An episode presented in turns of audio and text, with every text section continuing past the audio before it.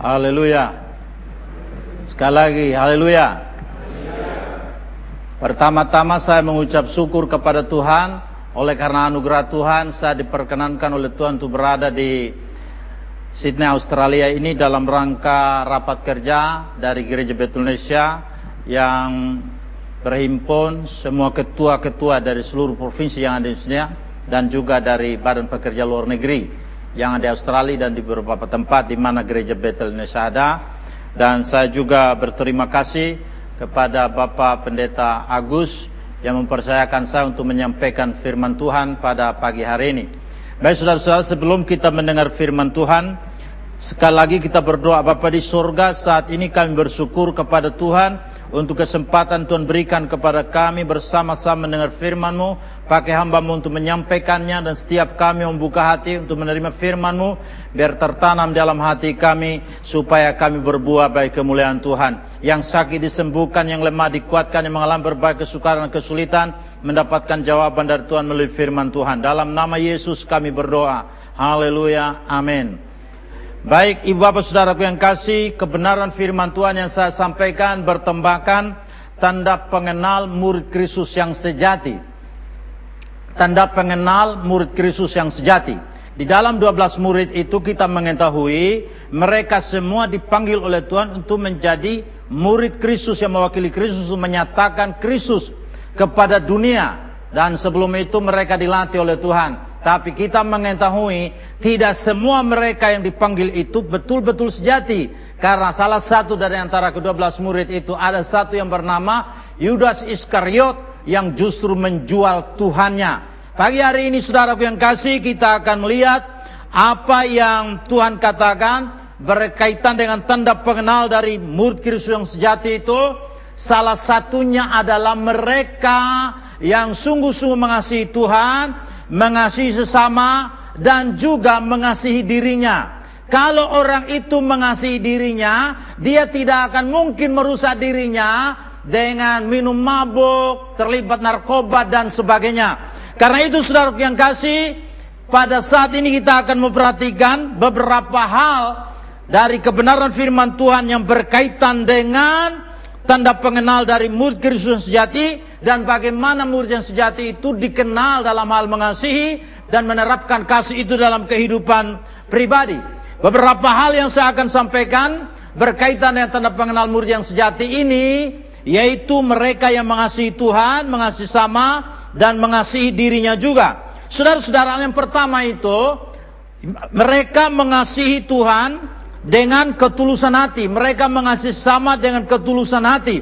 Di dalam Roma pasal 12 ayat ayat 9, 10, ayat 17 dan 12 mengatakan begini, hendaklah kasih itu jangan pura-pura, jauhilah yang jahat dan lakukanlah yang baik, hendaklah kamu saling mengasihi sebagai saudara dan saling mendahului dalam memberi hormat.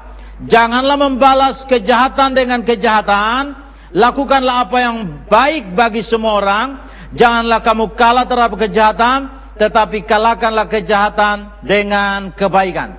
Jadi saudaraku yang kasih dalam Tuhan, orang yang mengaku dirinya sebagai murid Kristus yang sejati ditandai dengan mengasihi Tuhan, mengasihi sesama dan juga dirinya sendiri dan dia lakukan itu semua tidak dengan terpaksa tapi dengan penuh ketulusan hati.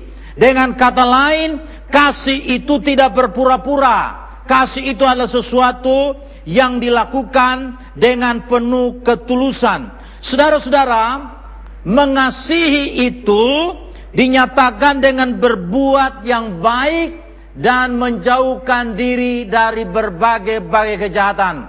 Karena itu saya tidak bisa berkata, saya ini mengasihi Tuhan, tetapi kenyataan dari perbuatan saya itu tidak menunjukkan saya mengasihi Tuhan. Saya tidak bisa berkata saya mengasihi Tuhan, tapi di samping itu saya melakukan kejahatan.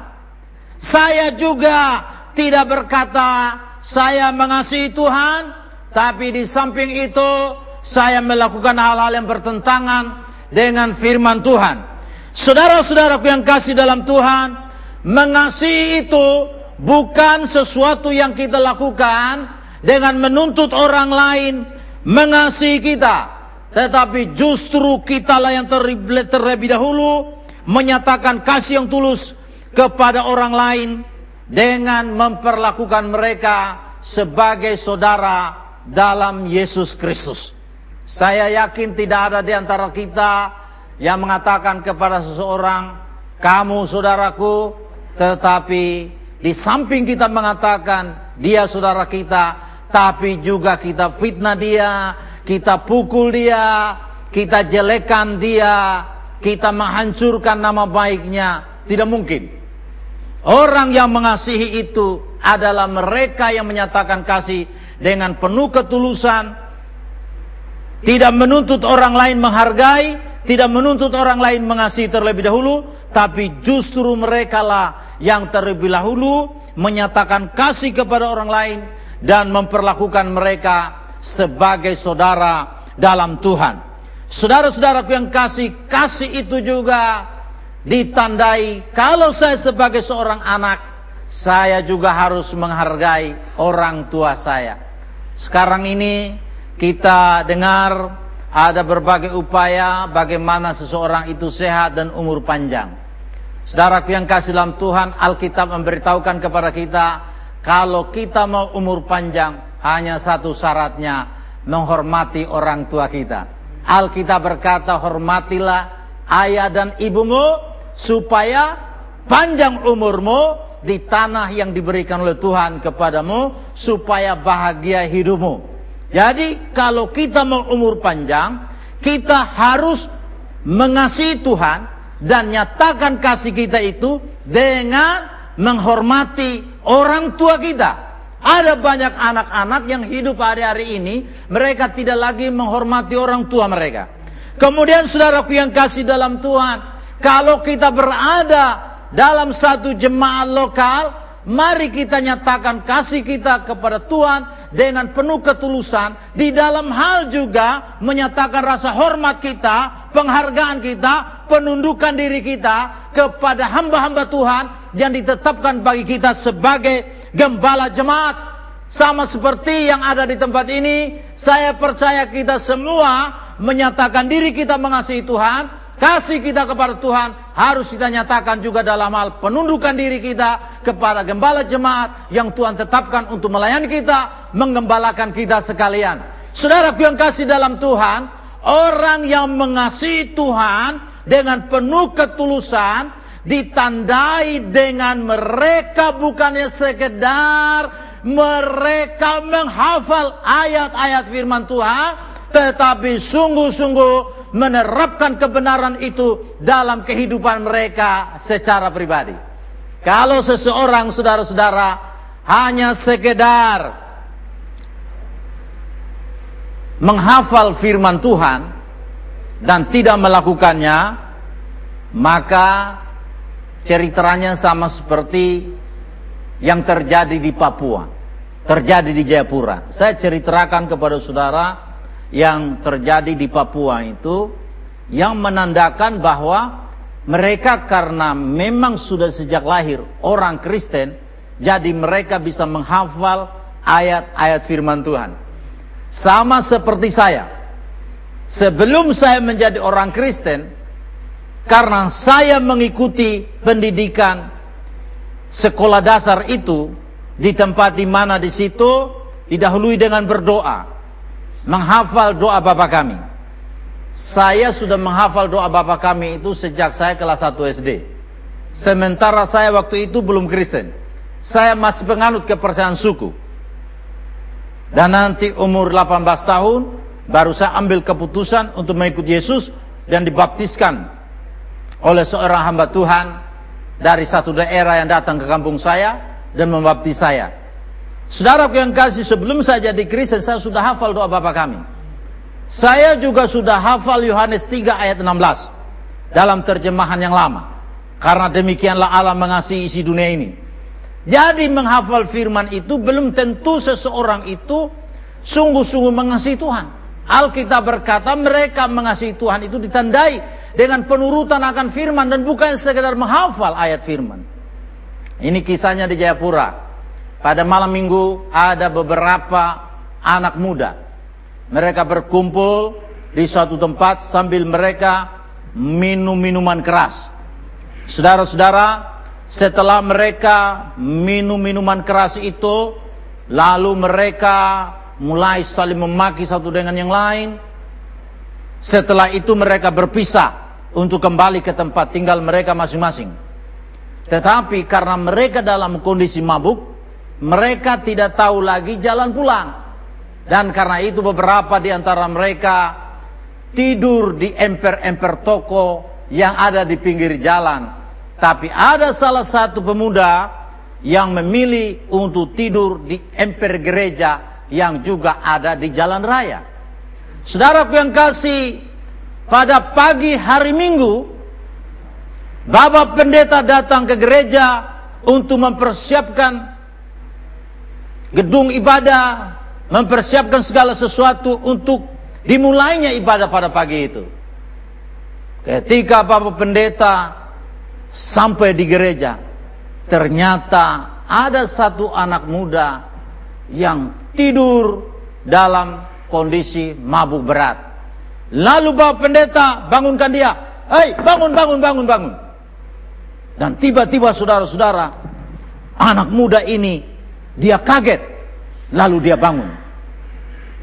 Lalu pendeta tanyakan kepada dia, "Kamu bikin apa di sini?" Lalu anak muda itu spontan dia berkata begini, "Bukankah aku harus ada di rumah bapakku?" Ketika pendeta saudara-saudara mendengar apa yang dikatakan anak muda ini, Pak Pendeta kaget. Lalu Pak Pendeta berkata sekali lagi kepada anak muda itu, kalau begitu engkau utusan Allah. Anak muda itu spontan menjawab, seperti yang engkau katakan. Saudara yang kasih dalam Tuhan, pagi itu ada polisi yang melakukan patroli Lalu polisi tahu, wah ini anak muda ini lagi dalam keadaan mabuk, dia berkelahi sama pendeta. Turun polisi, lalu tangkap anak muda ini, borgol tangannya, dan dibawa masuk ke mobil patroli. Ketika dia ada di mobil itu, anak muda itu berkata, sekarang anak manusia diserahkan ke tangan orang berdosa.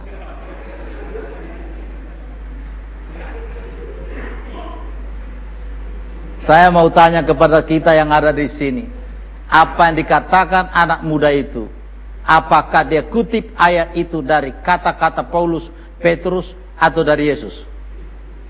Semua yang dia katakan itu langsung kata-kata Yesus. Tetapi saudara lihat dia dalam kondisi apa? Dalam kondisi mabuk berat. Jadi orang yang hanya menghafal ayat belum tentu dia hidup sesuai dengan ayat firman yang dia hafal itu. Tetapi orang yang mentaati firman Tuhan pasti dia hidup sesuai dengan firman yang dia taati. Dan orang yang mengasihi Tuhan pasti dia nyatakan kasihnya kepada Tuhan dengan ketaatan terhadap firman Tuhan. Dan orang yang taat pada firman Tuhan pasti dia mengasihi Tuhan. Itu sebabnya saudaraku yang kasih. Hari ini saya sampaikan kepada kita. Jangan kita hanya sekedar menjadi anggota jemaat yang terdaftar menjadi anggota dalam sebuah gereja lokal. Tetapi pastikan bahwa nama kita juga terdaftar di sorga. Bagaimana kita tahu nama kita sudah terdaftar di sorga? Kita tahu kalau kita sudah ambil keputusan untuk mengasihi Tuhan dengan segenap hati lalu kita mentaati firman. Itulah bukti nyata dari seorang yang namanya sudah pasti terdaftar dalam kitab kehidupan. Karena selama dia hidup di bumi, dia sudah menjalani kehidupan sebagai orang yang percaya dan menjadi murid Tuhan yang sejati yang akan bersama-sama dengan sang guru yang namanya Kristus yang pergi ke sorga untuk menyediakan tempat bagi kita.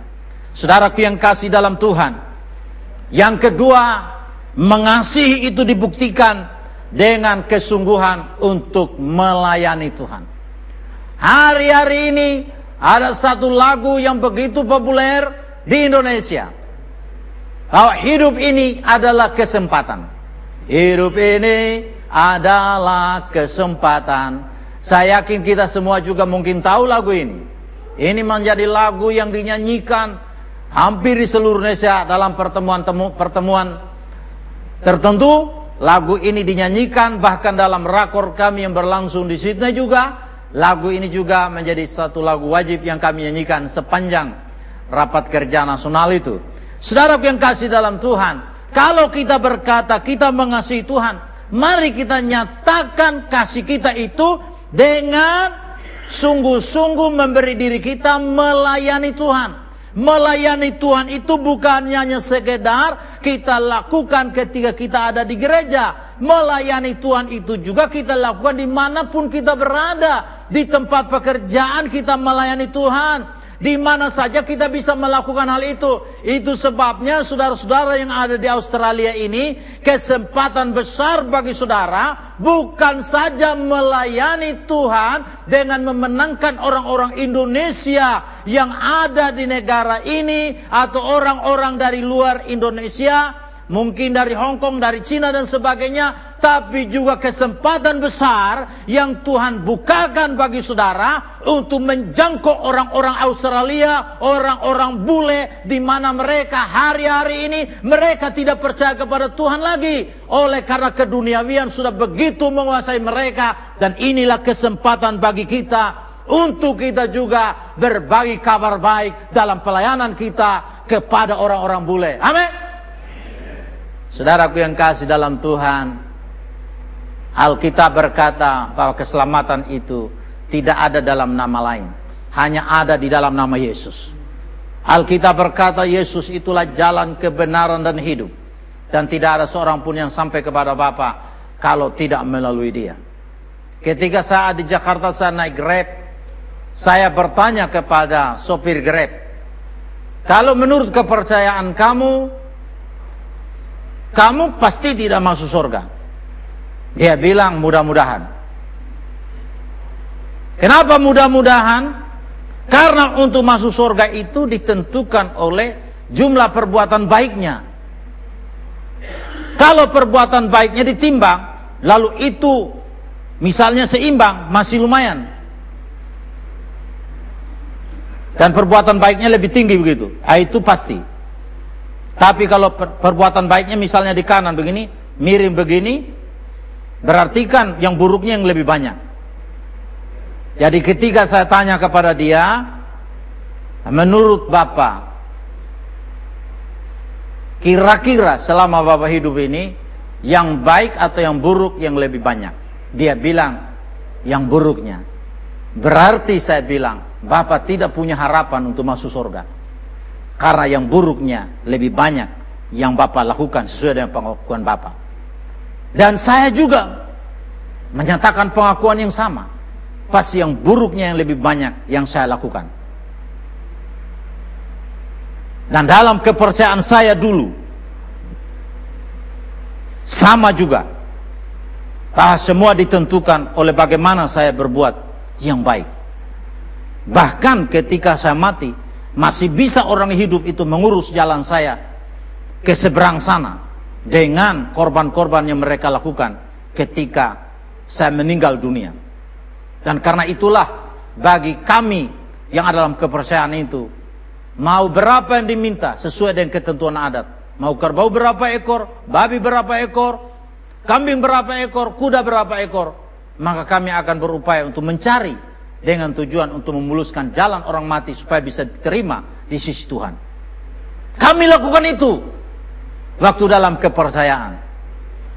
Tapi suatu waktu ketika saya bertemu dengan seorang yang menyatakan dia mati demi menebus saya dan itulah Yesus Kristus, Isa Al-Masih. Maka saya memilih untuk percaya kepada dia. Karena itu Bapak, hari ini saya tidak mudah-mudahan lagi masuk surga tapi saya punya kepastian, saya masuk surga. Karena dia sudah mati, menebus saya dari segala dosa. Dan menjaminkan bagi saya jalan kebenaran hidup itu melalui dia. Sehingga kalau saya mati, saya tidak mudah-mudahan lagi. Saya percaya saya masuk surga. Oleh karena itu, saya menawarkan kepada Bapak untuk juga percaya kepada pribadi yang saya sudah percaya. Tapi saya tidak berkata Bapak harus pindah agama. Karena agama tidak menyelamatkan. Agama Kristen juga tidak menyelamatkan. Kalau Bapak menjadi agama Kristen saja, penganut agama Kristen, maka Bapak yang pertama kali masuk neraka. Tapi kalau Bapak percaya kepada Yesus Kristus sebagai Tuhan dan Juru Selamat pribadi dan mengikuti Dia, maka Bapak punya kepastian untuk masuk surga. Saya tidak menawarkan Bapak untuk percaya agama Kristen karena agama Kristen tidak menyelamatkan, hanya Yesus yang menyelamatkan. Seperti yang saya sudah pilih untuk percaya kepadanya. Jadi saya beritahukan kepada beliau, silakan pertimbangkan kiranya Tuhan menolong Bapak untuk memikirkan apa yang saya sudah sampaikan ini. Saya tidak tahu kelanjutannya, bagaimana-bagaimana, tapi saya berkesempatan untuk berbagi kabar baik ketika berada bersama-sama dengan dia di mobil Grab yang dia bawa putar-putar di Jakarta sana. Jadi saya mau sampaikan kepada saudara semua yang ada di tempat ini, kalau kita sungguh-sungguh mau menjadi murid Kristus yang sejati, maka tanggung jawab kita kita harus melayani dengan penuh kesungguhan. Termasuk kita berbagi kabar baik bagi orang-orang bule. Suatu waktu saudara-saudara, saya pernah bertanya kepada orang bule dengan bahasa Inggris saya yang yang terbatas sekali. Saya tanya kepada dia, apakah kamu percaya Yesus? Dia bilang saya tidak percaya. Tapi mungkin kamu lahir besar dalam keluarga Kristen. Ya betul. Saya dulu pernah dibawa ke gereja untuk dibaptis dan ikut perjamuan tapi setelah saya besar saya tidak pernah ke gereja lagi. Lalu saya bertanya kepada dia, "Kenapa kamu tidak percaya?" Lalu dia tanya balik sama saya, "Kenapa kau juga percaya?" Nah, karena terbatas bahasa Inggris saya ya, ah, saya percaya karena Yesus mati untuk saya. Dan kalau kau tidak percaya Yesus, walaupun kau berkata tidak ada Tuhan di bumi ini, suatu waktu kau pasti masuk neraka. Karena itu pertimbangkan dengan baik-baik. Saudara-saudaraku yang kasih, saya bersama dengan dia satu tempat duduk di pesawat Garuda menuju ke Jakarta. Tiba-tiba Garuda terjadi masalah dengan cuaca, goncang seperti begini. Dia sepertinya santai-santai saja. Saya kok ada rasa takut. Lalu saya berkata begini, kenapa saya rasa takut? Karena saya tahu ada kehidupan sesudah kematian. Karena itu saya takut jangan sampai hubungan saya dengan Tuhan tidak baik. Dia tidak percaya bahwa ada kehidupan sesudah kematian. Karena itu dia santai-santai saja. Mati habis perkara bagi dia. Tapi bagi saya tidak. Karena ada dua kekekalan yang akan dihadapi. Surga atau neraka. Dan karena itu rasa takut dalam diri saya. Ini bukan berarti rasa takut karena saya takut seperti orang lain. Takut jangan sampai hubungan saya dengan Tuhan. Dan dengan demikian membuat saya berdoa kepada Tuhan. Tuhan ampuni dosa saya. Jika terjadi sesuatu hari ini. Hubungan saya dengan Tuhan tak baik-baik. Dan ini menjadi jalan bagi saya untuk bersama dengan Tuhan. Jadi rasa takut itu membawa saya untuk saya berseru kepada Tuhan. Bukan meragukan Tuhan menyertai saya dalam kesempatan itu. Tapi saya lihat dia santai-santai saja. Karena memang dia tidak percaya ada kehidupan sesudah kematian. Jadi saudaraku yang kasih dalam Tuhan. Pada hari ini ketika kita mendengarkan firman Tuhan ini. Bahwa mengasihi itu kita harus buktikan dengan melayani Tuhan. Dengan penuh kesungguhan. Maka kesempatan saudara ada Australia ini Australia menurut saya merupakan ladang yang sementara menguning di mana kita berkesempatan untuk memberitakan kabar baik kepada mereka yang dulu orang Eropa itu datang ke negara-negara jajahan memberitakan Injil oleh pemberitaan Injil yang mereka sampaikan lalu kita percaya kepada Tuhan. Hari ini Tuhan memberikan kesempatan kepada kita untuk memberitakan Injil kembali kepada mereka supaya mereka tinggalkan segala dosa dan kejahatan kembali kepada Tuhan. Untuk itu, kalau kita sudah mengaku percaya kepada Yesus Kristus, kita menjadi murid yang sejati, mari kita buktikan diri kita sebagai murid Tuhan yang sejati dalam hal mengasihi Tuhan, mengasihi sama dan mengasihi diri ini yang kita buktikan dengan kesungguhan kita untuk melayani Tuhan. Ayat yang ke-11 12 dari Roma pasal 12 itu berkata, "Janganlah hendaknya kerajinanmu kendor, biarlah rohmu menyala-nyala dan layanilah Tuhan bersuka cita dalam pengharapan, sabar dalam kesesakan dan bertekunlah dalam doa." Ini yang harus ada di dalam diri kita semua. Orang-orang percaya, murid-murid Kristus yang ada di Australia ini ketika kita ada di sini mari kita memacu diri kita dalam hal mengasihi Tuhan yang kita buktikan dengan kesungguhan untuk melayani Tuhan. Jangan kerajinan kita menjadi kendor tapi biarlah roh kita menyala-nyala untuk melayani Tuhan. Saudaraku yang kasih, kalau seseorang yang mengasihi itu, saya yakin kasihnya itu dibuktikan dengan kesungguhan untuk melayani. Pasti rohnya menyala-nyala untuk melayani Tuhan.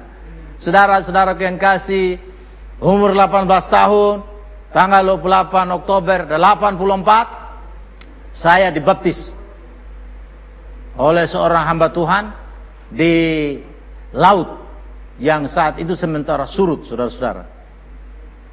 Saya dibawa ke sana tanpa saya diajar bagaimana memberi hidup kepada Tuhan, bagaimana bertobat, tapi hati saya sudah berkobar-kobar. Saya mau menjadi pengikut Yesus. Saya dibawa ke sana dan saya dibaptis sejak saat itu hati saya berkobar-kobar untuk melayani Tuhan. Bertemu dengan siapa saja yang saya ceritakan, Yesus Yesus yang saya ceritakan firman Tuhan. Dan sebelum saya pergi ke Jakarta untuk mengikuti pendidikan sekolah teologi mempersiapkan diri menjadi seorang hamba Tuhan. Saya sudah baca Alkitab ini dari kejadian sampai wahyu. Saudaraku yang kasih dalam Tuhan. Saya bersaksi kepada orang lain. Dan gara-gara itu saya dituduhkan oleh seorang pendeta ah, saya sudah mempengaruhi orang untuk dibaptis.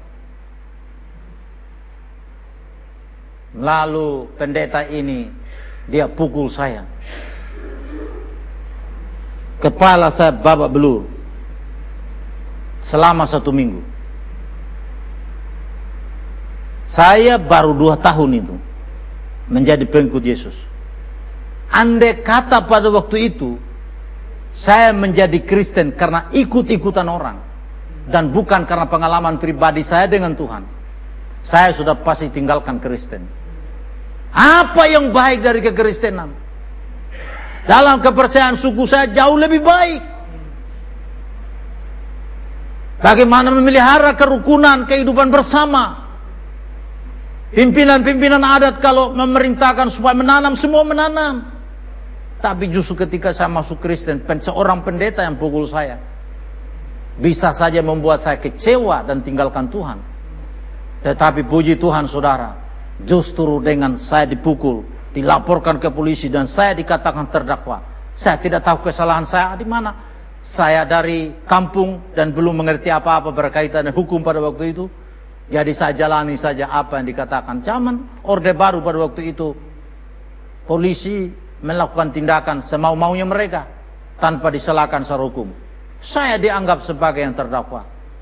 Oleh karena saya percaya pada Kristus. Saudaraku yang kasih dalam Tuhan, saya bukannya semakin mundur, tapi dia mendapat pukulan ini, saya menganggap saya menderita karena nama Yesus, bukan karena saya jahat. Dan saya melayani Tuhan dengan berkobar-kobar sampai dengan hari ini saudara-saudara. Dan puji Tuhan, walaupun yang saya layani dalam ibadah pagi ini bukan orang bule, tapi juga kebanyakan dari Indonesia. Tapi saya menganggap saya sudah melayani di luar negeri karena di negara berbeda dari negara Indonesia. Haleluya. Dan saya mau menantang semua orang Indonesia yang ada di negara ini untuk kita melayani Tuhan dengan sungguh-sungguh. Kasih kita harus berkobar-kobar kepada Tuhan. Dan ketika kita berkesempatan bertemu dengan orang bule di tempat pekerjaan kita, mari kita dengan penuh keberanian untuk menyatakan Kristus sebagai Tuhan dan Juru Selamat. Mereka harus berbalik dan bertobat, menerima Yesus sebagai Tuhan dan Juru Selamat.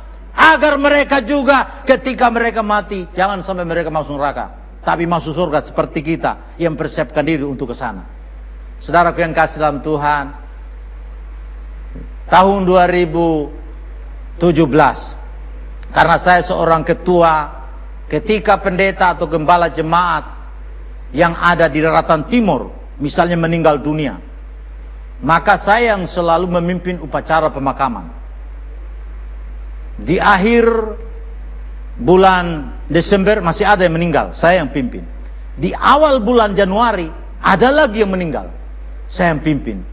Setiap kali saya berdiri di pinggir kuburan dari hamba-hamba Tuhan yang dimakamkan ini Baru di situ saya sadar betapa fananya hidup manusia.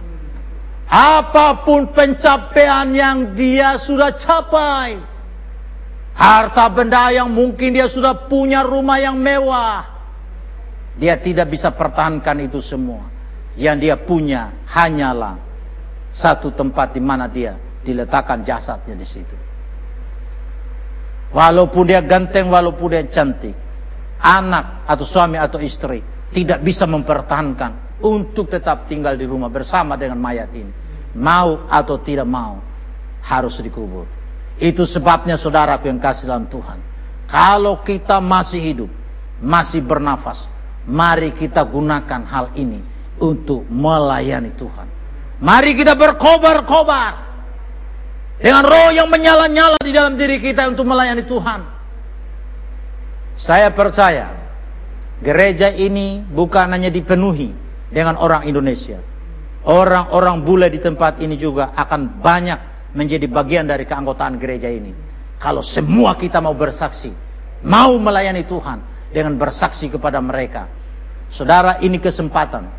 Kalau di Indonesia kita melayani di kalangan orang-orang tertentu, kita membuka gereja, kita dihalangi begitu rupa dan dipukul, dianiaya, gereja ditutup, di beberapa tempat. Tapi kalau di Australia kita menginjil mungkin bebas. Dan ini kesempatan bagi kita orang Indonesia untuk menjadi misionari-misionari yang diutus Tuhan dari Indonesia. Ada di Australia melayani Tuhan. Di tempat di mana kita bekerja, bertemu dengan siapa saja. Mari kita sampaikan kepada mereka tentang Yesus Kristus, Tuhan dan Juru Selamat. Saudaraku yang kasih, saya percaya semua kita yang ada di tempat ini, kita mau menjadi orang yang sungguh-sungguh menyatakan Tuhan melalui kehidupan dan pelayanan kita. Saudara-saudara, saya tidak mau memperpanjang lagi apa yang saya mau sampaikan ini. Tapi ini ada satu cerita dari teman saya di Jayapura. Bahwa seseorang kalau botak bagian depan ini, itu berarti orang itu selalu berpikir masa depan. Pokoknya dia selalu pikir masa depan, maka lama-lama bagian ini yang botak. Kalau orang itu botak bagian atas, itu artinya dia berpikir perkara yang di atas. Kalau botak bagian belakang, itu artinya orang itu selalu berpikir masa lalunya.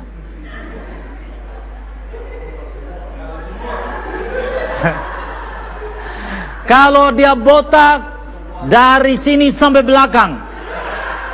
Karena ada juga begitu. Itu artinya orang itu membangun landasan pesawat terbang. Dan kalau seluruhnya botak, itu berarti orang itu tidak punya pengharapan.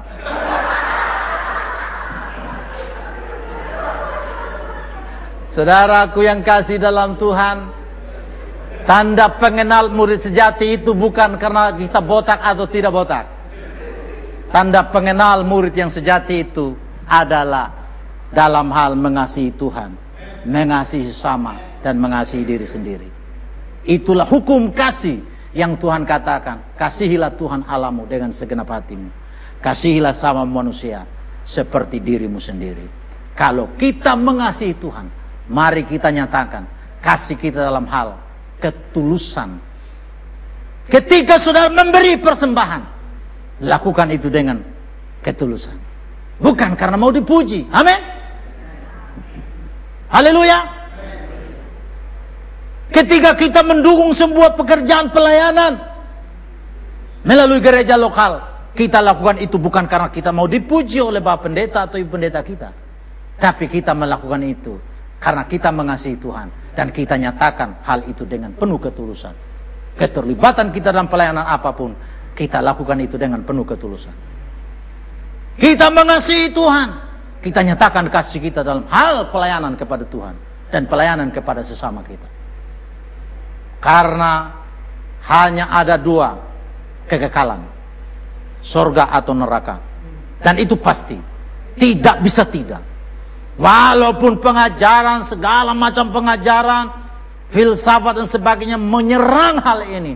Tapi bukan berarti meniadakan kenyataan sorga dan neraka. Itu sebabnya kita semua Selama Tuhan memberikan kesempatan untuk kita hidup, mari kita melayani Tuhan. Tempat kerja di mana sudah berada, jadikan itu sebagai ladang misi dan bersaksi pada mereka dan bawa mereka kepada Tuhan agar mereka pun berkesempatan untuk mendengar Injil dan mendengar kabar baik dari kita yang siap menyatakan kasih kita kepada mereka dengan melayani mereka dan membawa mereka kepada pengenalan akan Tuhan. Kiranya Tuhan yang mempunyai firman ini memberkati kita sekalian. Amin buat firman Tuhan. Mari kita semua bangkit berdiri.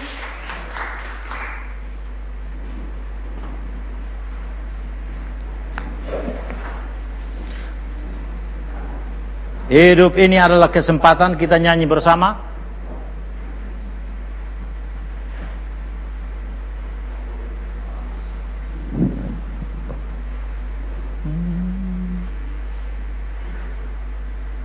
Hidup ini adalah kesempatan. Hidup ini untuk melayani Tuhan. Jangan sia-siakan waktu yang Tuhan beri. Hidup ini harus jadi berkat. Oh Tuhan, pakailah hidupku. Oh Tuhan, pakailah hidupku selagi aku masih kuat. Bila saatnya nanti Ku tak berdaya lagi Hidup ini sudah jadi berkat Oh Tuhan pakailah hidupku. Tuhan pakailah hidupku. Selagi aku masih kuat Bila saatnya nanti ku tak berdaya lagi Hidup ini sudah jadi berkat. Haleluya. Bapa kami dalam surga Kami bersyukur kepadamu Untuk firmanmu yang telah engkau sampaikan. Hambamu terbatas dalam mengungkapkannya Tapi kiranya roh kudus Nanamkan kebenaran firman Tuhan ini dalam hati kami sekalian. Termasuk bagi mereka-mereka yang mendengarkan firman ini melalui saluran televisi dan sebagainya. Kami berdoa kiranya Tuhan yang menanamkan kebenaran firman ini dalam hati setiap kami. Dan memutuskan untuk meninggalkan segala dosa dan kejahatan. Hidup dalam mengasihi Tuhan. Terima kasih banyak Bapak di surga. Berkati hambamu di tempat ini dan seluruh jemaat ini. Pakai mereka menjadi alat Tuhan untuk memenangkan banyak jiwa di Australia ini. Termasuk orang-orang bule yang ada di daerah ini. Terima kasih banyak Bapak di sorga.